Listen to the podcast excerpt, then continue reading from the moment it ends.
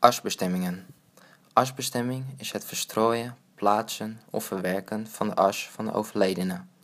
Dit kan in verband met de wet op zijn vroegst 30 dagen na de crematie. Tot die tijd moet de as in het crematorium worden bewaard. Dit zijn de mogelijkheden. Het verstrooien van as. Bij asbestemming kunt u denken aan het uitstrooien van de as op een daarvoor geschikte plek. Dit kan op een speciaal veld, bij het crematorium of op zee. Ook een andere locatie, zoals een plek waar de overledene vaak kwam, is mogelijk.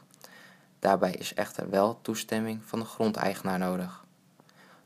Het bewaren van de as in een urn. U kunt de as ook in een urn laten doen en deze in een urnenmuur of urnentuin van het crematorium laten bijzetten. Natuurlijk kunt u de urn ook thuis een mooi plekje geven. As in een sieraad. Wilt u uw geliefde altijd bij u dragen? Dan kunt u een klein beetje as in een sieraad laten verwerken.